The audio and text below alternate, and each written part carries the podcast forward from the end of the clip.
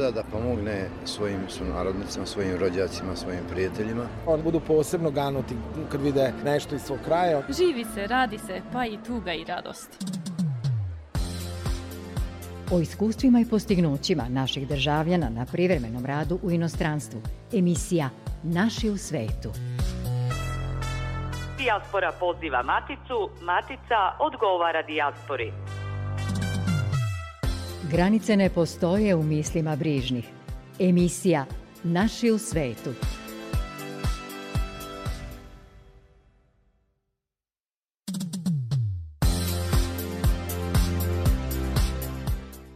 Dobroveče, dobrodošli u emisiju koja govori o vezi matice sa svojim rasejanjem. Sa vama su za tonskim pultom Novak Vasiljevića pred mikrofonom Goran Pavlović. U narednih pola sata čućete kako je protekla virtuelna konferencija Dijaspore, a predstavit ćemo i prosvetnu misiju Narodne biblioteke u Zvorniku. Na početku i informacija da je zbog povoljnije epidemijske situacije od sutra 12. marta u Srbiji samo preporučeno nošenje maske u zatvorenom, ukida se ograničen broj ljudi na okupljanjima u zatvorenom i neće biti obavezne COVID propusnice. U organizaciji kanadskog magazina Srpske dijaspore San od 4. do 6. marta održan je trodnevni virtuelni susret dijaspore i celog sveta. Okupili su se predstavnici mnogih naših organizacija i društava širom sveta, istaknuti stručnjaci i intelektualci. Uspešni pojedinci našeg porekla razmenili su iskustva o svom istrajavanju i postignutim rezultatima u rasejanju. Prvog dana susreta 4. marta u tematskim sobama za virtualnu komunikaciju predstavile su se organizacije i biznis u kojem naše ljudi zauzimaju ključne pozicije. U panel diskusiji narednog dana predstavili su se naši stručnjaci iz obrazovanja, kulture, medija i investicija. Doktor političkih nauka Nina Marković Kaze, specijalista je za imigracioni zakon i međunarodne odnose i analitičar za srpska nacionalna pitanja u Australiji. Došla sam kao i mnogi naši u 90-im, ja sam zbog, zbog bombardovanja došla kod oca u Perth, to je zapadna Australija, sa 15 godina baš u vreme kada je Australija imala takozvanu vizu za Kosovare. Tako da dok sam ja komponovala etno muziku u svojoj ženskoj školi, u isto vreme su oni skupljali novac samo za znači, jednu stranu tog konflikta. Tako da neminovno je bilo da studiram politiku. E, nažalost, moj otac je želeo da studiram e, inženjering kao i on, ali se to nije desilo. Ali sam završila italijanske i nemačke političke nauke, na prvom fakultetu dve magistrature iz diplomatije i međunarodnih odnosa, doktorat iz političkih nauka na temu Srbije i spoljne politike Evropske unije, ali od 60. godina, znači tačnije svih onih Jugoslavija pre, pre ove poslednje. I sada ponovo upisala sam još jednu magistraturu e, pored porodice i ostalih obaveza, tako da je Australija zaista zemlja koja verovatno kao i Kanada i mnoge druge omogućavaju da ceo život da, da učite nove stvari ukoliko to želite.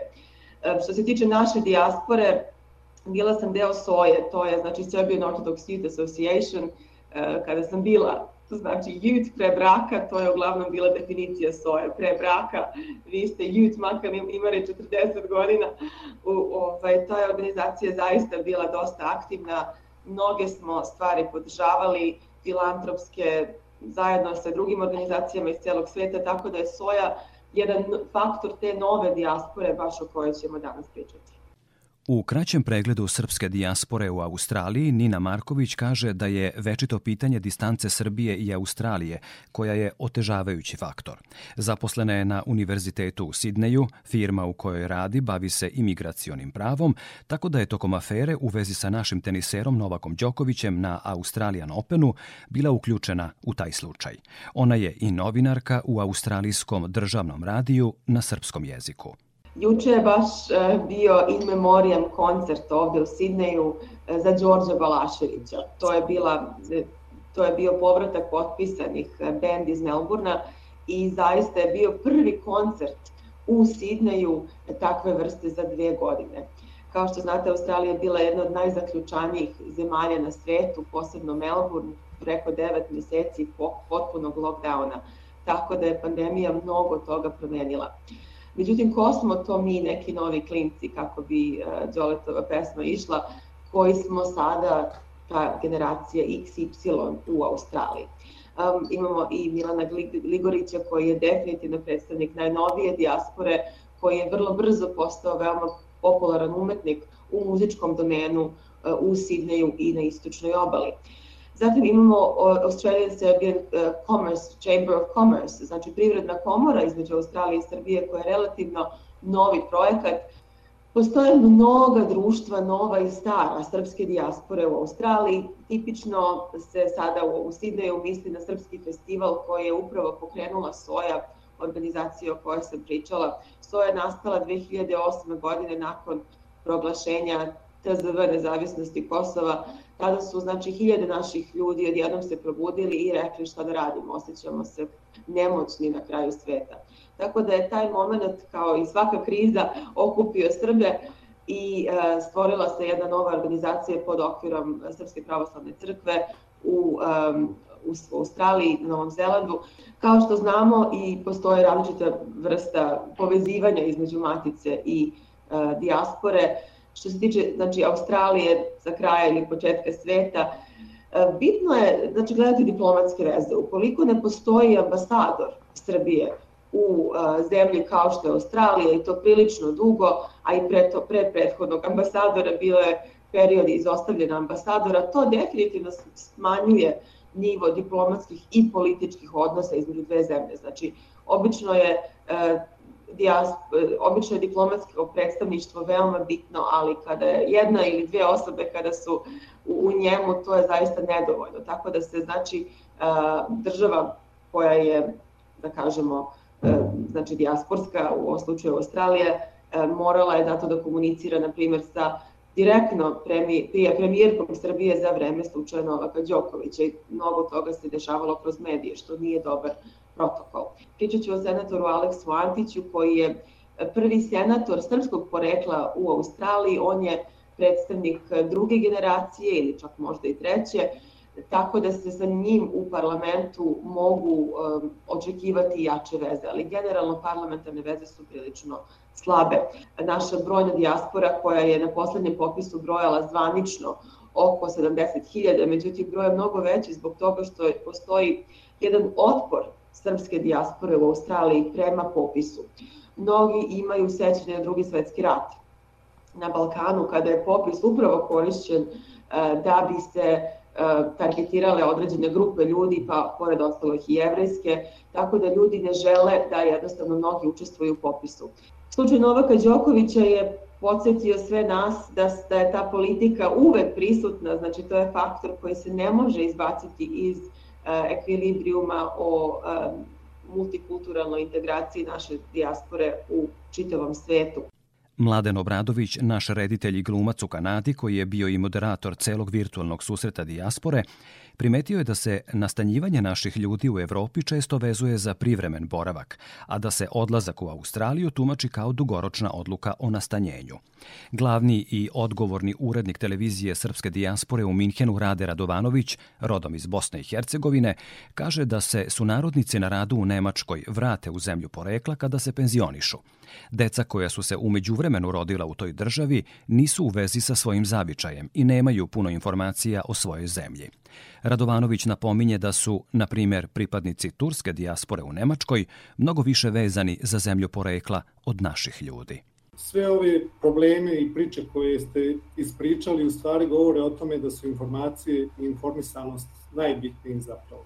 Televizija Srpske dijaspore ima ideju zapravo da pomogne svim ljudima koji su došli u, u e, inostranstvo, u, u dijasporu, u integraciji, ali i u repatriaciji, znači da svim tim ljudima objasni da postoji taj zavičaj, da to nije neki divlji zapad ili kraj svijeta i da postoji nekakav život i tamo. Nažalost, kao što, neko, kao što je neko pomenuo, e, podrška matice je izostala recimo kad je u pitanju televizija. Čak i dostupnost informacija nama kao mediju koji se bavi prevashodno dijasporom i informacijama vezanim i važnim za dijasporu, je teško da dođemo do tih informacija, do nekih odgovora koji su bitni i tako dalje.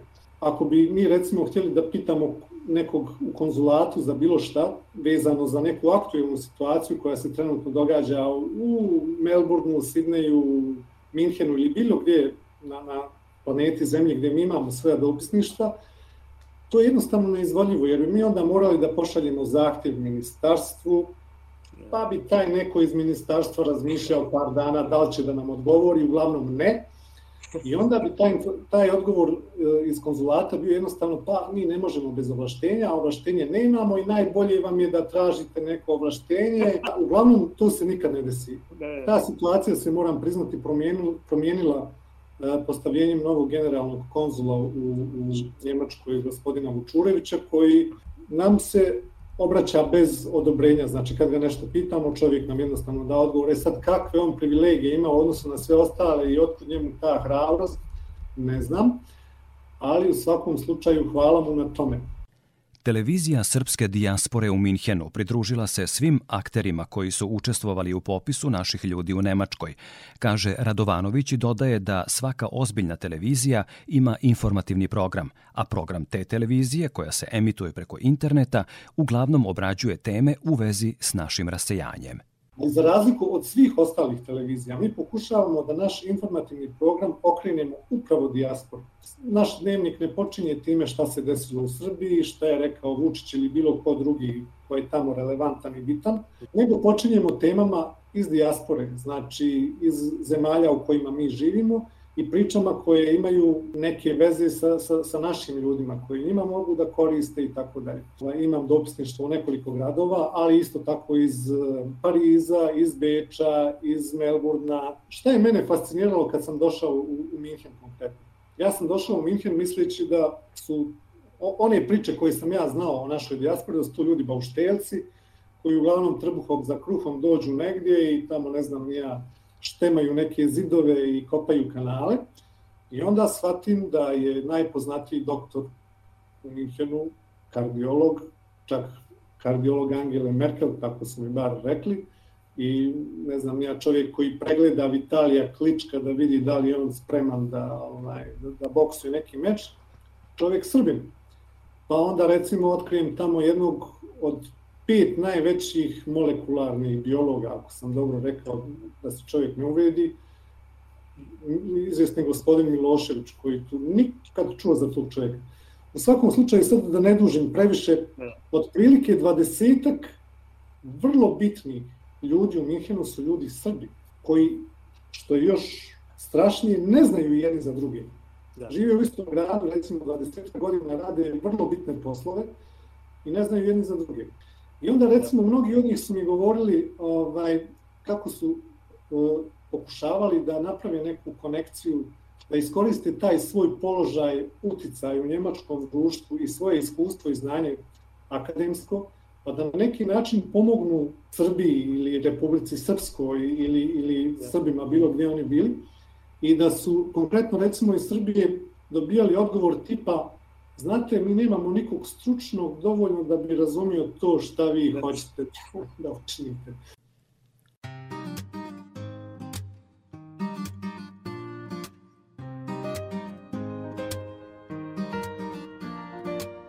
Te noći nebo zemlji se na grudi spustilo.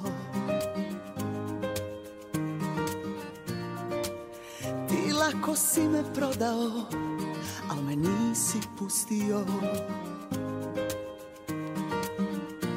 Ako ti život nije lep, ti kao nekad podvi rep Al ja iz ove priče izlazim. Ljubavi moja Svi su vozovi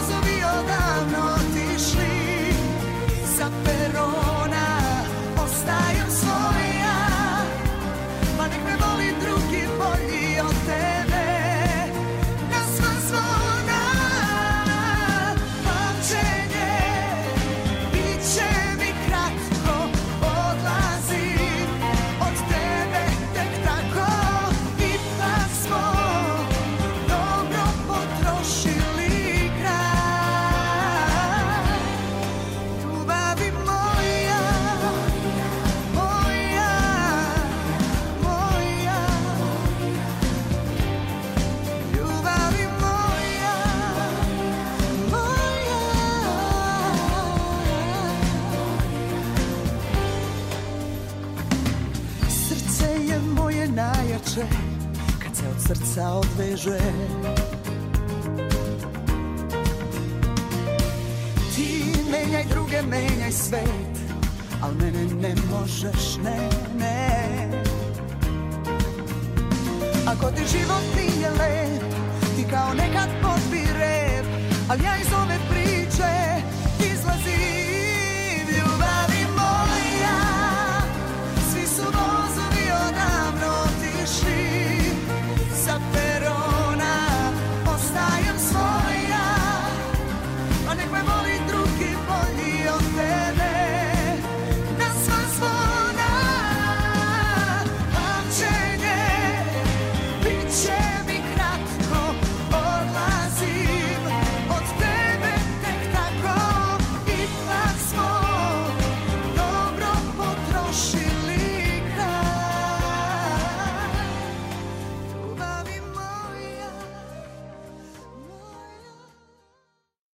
Emisija Naši u svetu.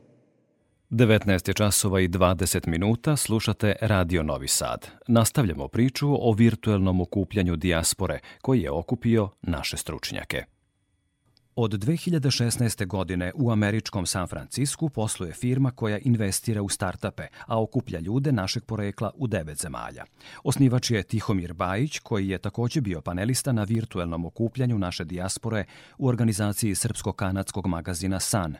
Bajić je primetio da naši ljudi nemaju običaj da se upućuju jedni na druge u svetu i da je osnivanjem svoje firme želeo da tu ustaljenu praksu menja. Trenutno je nastanjen u kanadskom Torontu. Ja sam iz San Francisco spavao ljude u Novom Sadu, koji su srpski preduzetnici, koji su na 200 metara jedni od drugih nisu znali. Tamo mi se isto u Berlinu, u Parizu, u Londonu, Melbourneu, Sidneju, Miami, u Los Angelesu, sada ne brojim sve gradove gde sam povezivao naše ljude. I to je nešto jako zanimljivo, ovaj, ne znam da li je to specifično za naš narod ili za svaku dijasporu ili, ili kako, ali jednostavno nemamo, a, a ne, ne, nekako nemamo naviku da upućujemo jedni na druge. I to je, bila, to, to je bio svrha ove naše organizacije iz početka. Ljudi iz inostranstva, pogotovo sad posle pandemije, mogu vrlo lako da zaposle ljude softveraše, programere ili od, od druge, drugi ljudi a, koji, su, koji su im bitni za njihov startup, a koji su u Srpskoj ili koji su u Srbiji. I na ta, ta dvosmerna privredna ekonomska razmena a, stvarno cvate. A, to je jedan, jedan najbrže rastući grana srpske privrede, trenutno ja mislim posla čak i veća od poljoprivrede, odnosno tu je na nekom istom nivou. Um, i očekujem da će, to, da će to tako samo da nastavi. I kroz tu razmenu sve više i više nailazimo na različite probleme, prepreke u poslovanju između inostranstva i Srbije, odnosno poslovanju stranih ljudi, naših porekla koji su u Srbiji, I tu dosta radimo, naša organizacija dosta radi na tome, a, kroz različite kanale, da li, da li su to poreski, bankovni, a, pravni, a, kanali kojim pokušamo da, da jednostavno pospešimo, a, a, pomognemo privrednu razmenu između dijaspora i Srbije. Postoji više definicija startupa, sad smo zapravo radili na definiciji startupa unutar srpskog zakona, um, u Republici Srbiji, ali generalno prihvaćena definicija startupa je a, nešto što počinje iz početka a, radi dokazivanja poslovne mogućnosti u, u situaciji vr, vrlo velike neizvjesnosti. Dakle, pokušavate nešto da uradite novo, drugačije, što do sad ne postoji, onda se to zove startup. Recimo, pekara se obično ne zove startup zato što postoji na svakom ćošku,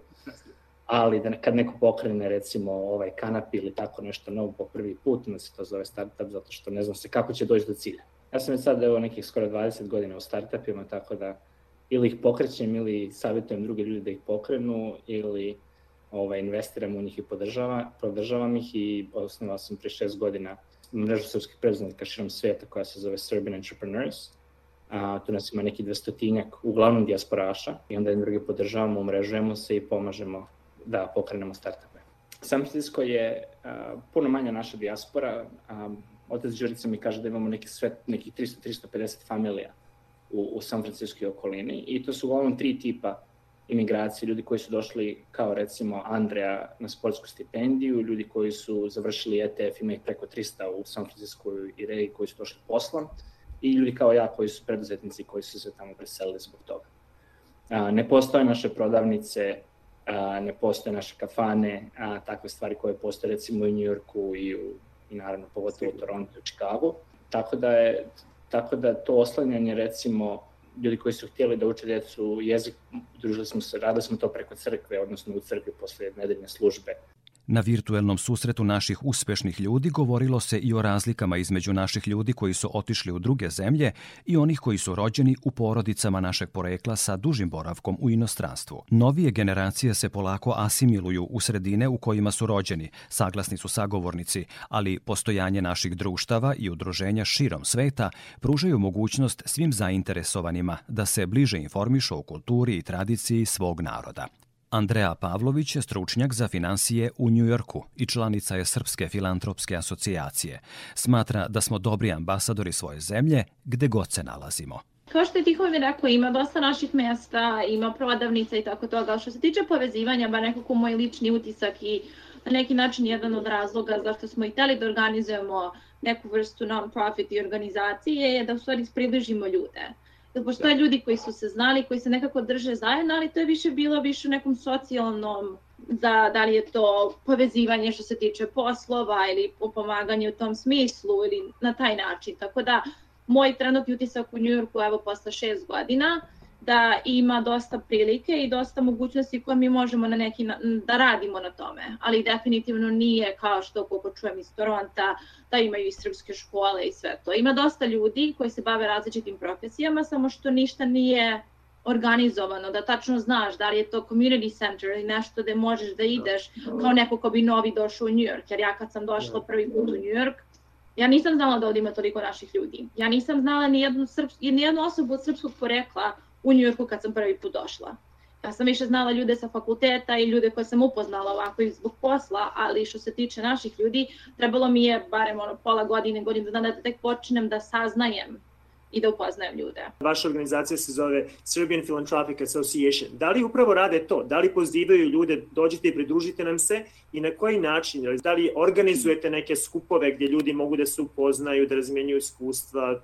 Pa mi imamo puno ideja, puno planova i puno ideja, ali smo jako mlada organizacija. Jer smo se mi u stvari skupili zajedno 2019. godine da organizujemo filantropsko gala veče, sa time da skupimo novac za e, školarine za decu u Srbiji, koje nisu, nemaju materijalne mogućnosti da jednostavno priušte sebi neke osnovne stvari. Tako da je to sve počelo, jednako smo to sa, napravili taj događaj u Njujorku gdje je bilo preko 300 ljudi, mi smo stvari shvatili koliko koliko ima velika želja da se ljudi skupe, upoznaju, da pomognu jedni drugima i da pomognu našoj zajednici. Tako da posle toga to je bilo u novembru 2019. godine, kako je došla 2020. januar, februar, ta smo mi počeli da u stvari da, da incorporate i da napravimo non-profit. I onda je naravno počela korona, pandemija i sve što se dešava, da. tako da smo mi sad na neki način uh, da kažem, aktivno, veoma mnogo aktivnije sada ove godine počinjemo da razmišljamo da pravimo tu strategiju i planove za sve stvari kojima možemo da se bavimo i na koji način možemo stvari da spojimo naše ljude i da im omogućimo neke stvari koje jednostavno ne mogu sami. Pravili smo događaje i filantropsko veče, imali smo sreće u stvari usled pandemije i svega da smo uspeli da napravimo filantropsko veče u Njujorku sada pre par meseci u novembru, gde je odaziv ljudi bio još mnogo veći, jednostavno ve, tolika želja da ljudi prisustvuju nečemu i da budu u toj zajednici. Što se naravno, mislim, to smo svi, verujem, shvatili još mnogo više pos, po, kao posledica pandemije, ali sada imamo tu neku mogućnost da eto, sad smo tu, sad se nadamo se stvari će se popraviti, da možemo da imamo tako veliki impact, da kažem, na našu zajednicu u New Yorku. Profesor Miloš Popović predaje na Univerzitetu u Torontu. On je i direktor Instituta za rehabilitaciju, a vlasnik je i firme za patente. Svoje iskustvo koje je podelio na virtuelnom susretu naših stručnjaka temelji na svom velikom iskustvu i dugogodišnjem radu u kanadskoj dijaspori. Mi kao individualne osobe jedino možemo da uradimo da reprezentujemo državu sa kvalitetom posla koje mi radimo, sa pristupom, sa empat, da li smo, kako se ponašamo prema drugima i na taj ja. način ostavljamo utisak da ljudi koji dolaze iz Srbije su kvalitetni, sposobni, pametni, šta ti ja znam. Da. Ono što je jako bitno je da država isto mora, srpska država mora da investira u imidž. Znate, vi, vi, ne možete vi preko noći to da naprede. Treba investirati u stvaranje imidža. Nama se događa da is, ispade neka kriza, da li je to Đoković ili ne znam jako, to nije hendlovano na pravi način, nije hendlovano sa pravim ljudima, sa pravim legalnim ovaj, podrškom i tako dalje. I onda, kao rezultat toga, imate pogrešan imidž.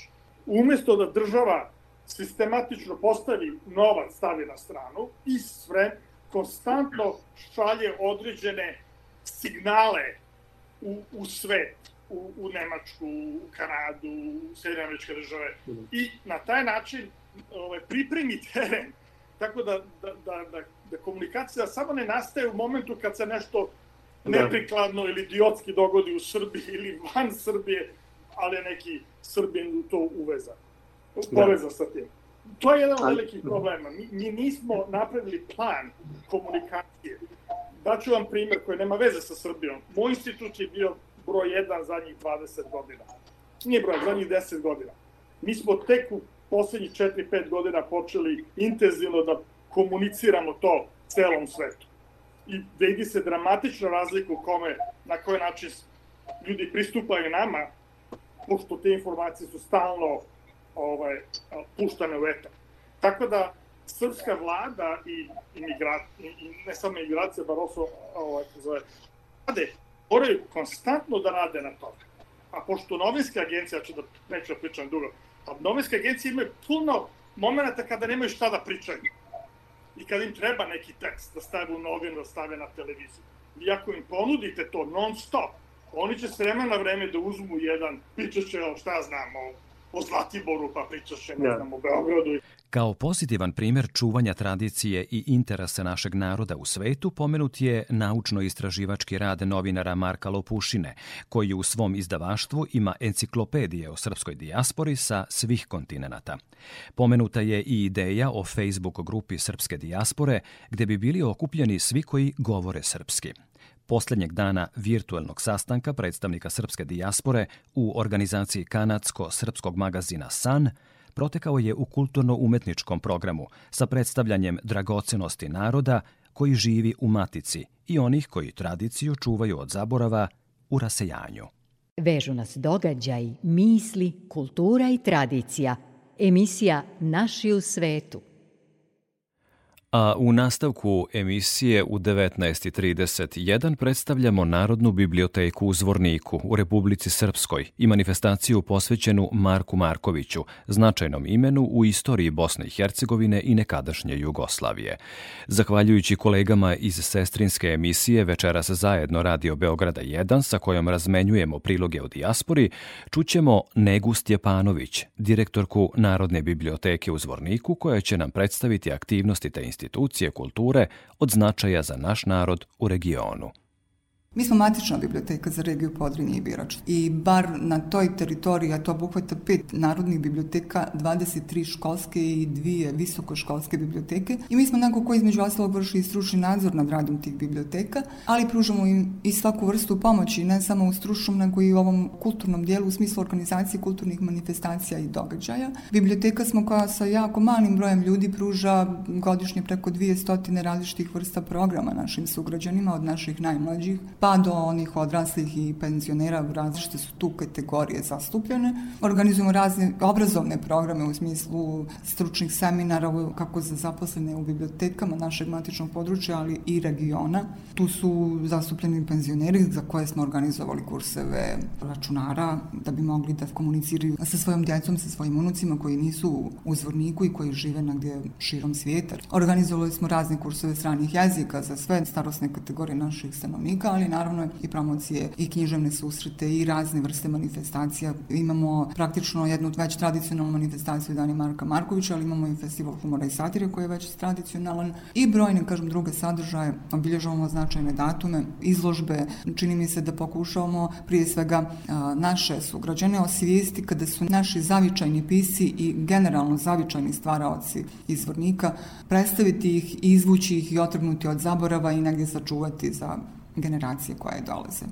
Marko Marković je neko ko je bio direktor drame Narodnog pozorišta u Sarajevu, direktor izdavačke kuće Svjetlost, neko od, ko je jedan od osnivača Srpskog kulturnog prosvetnog društva prosveta u Sarajevu, neko ko se družio sa Ivom Andrićem, neko kome je Ivo Andrić posvetio onu čuvenu posvetu sve drine ovog svijeta su krive, ali sve dok ih ispravljamo život ima smisla, to je Ivo Andrić posvetio upravo Marku Markoviću i tu stoji posveta mom prijatelju Marku Markoviću. Ja sam te, tu dokumentaciju i te fakte našla u Muzeju književnosti u, u Sarajevu i to je nešto što je mene oduševilo.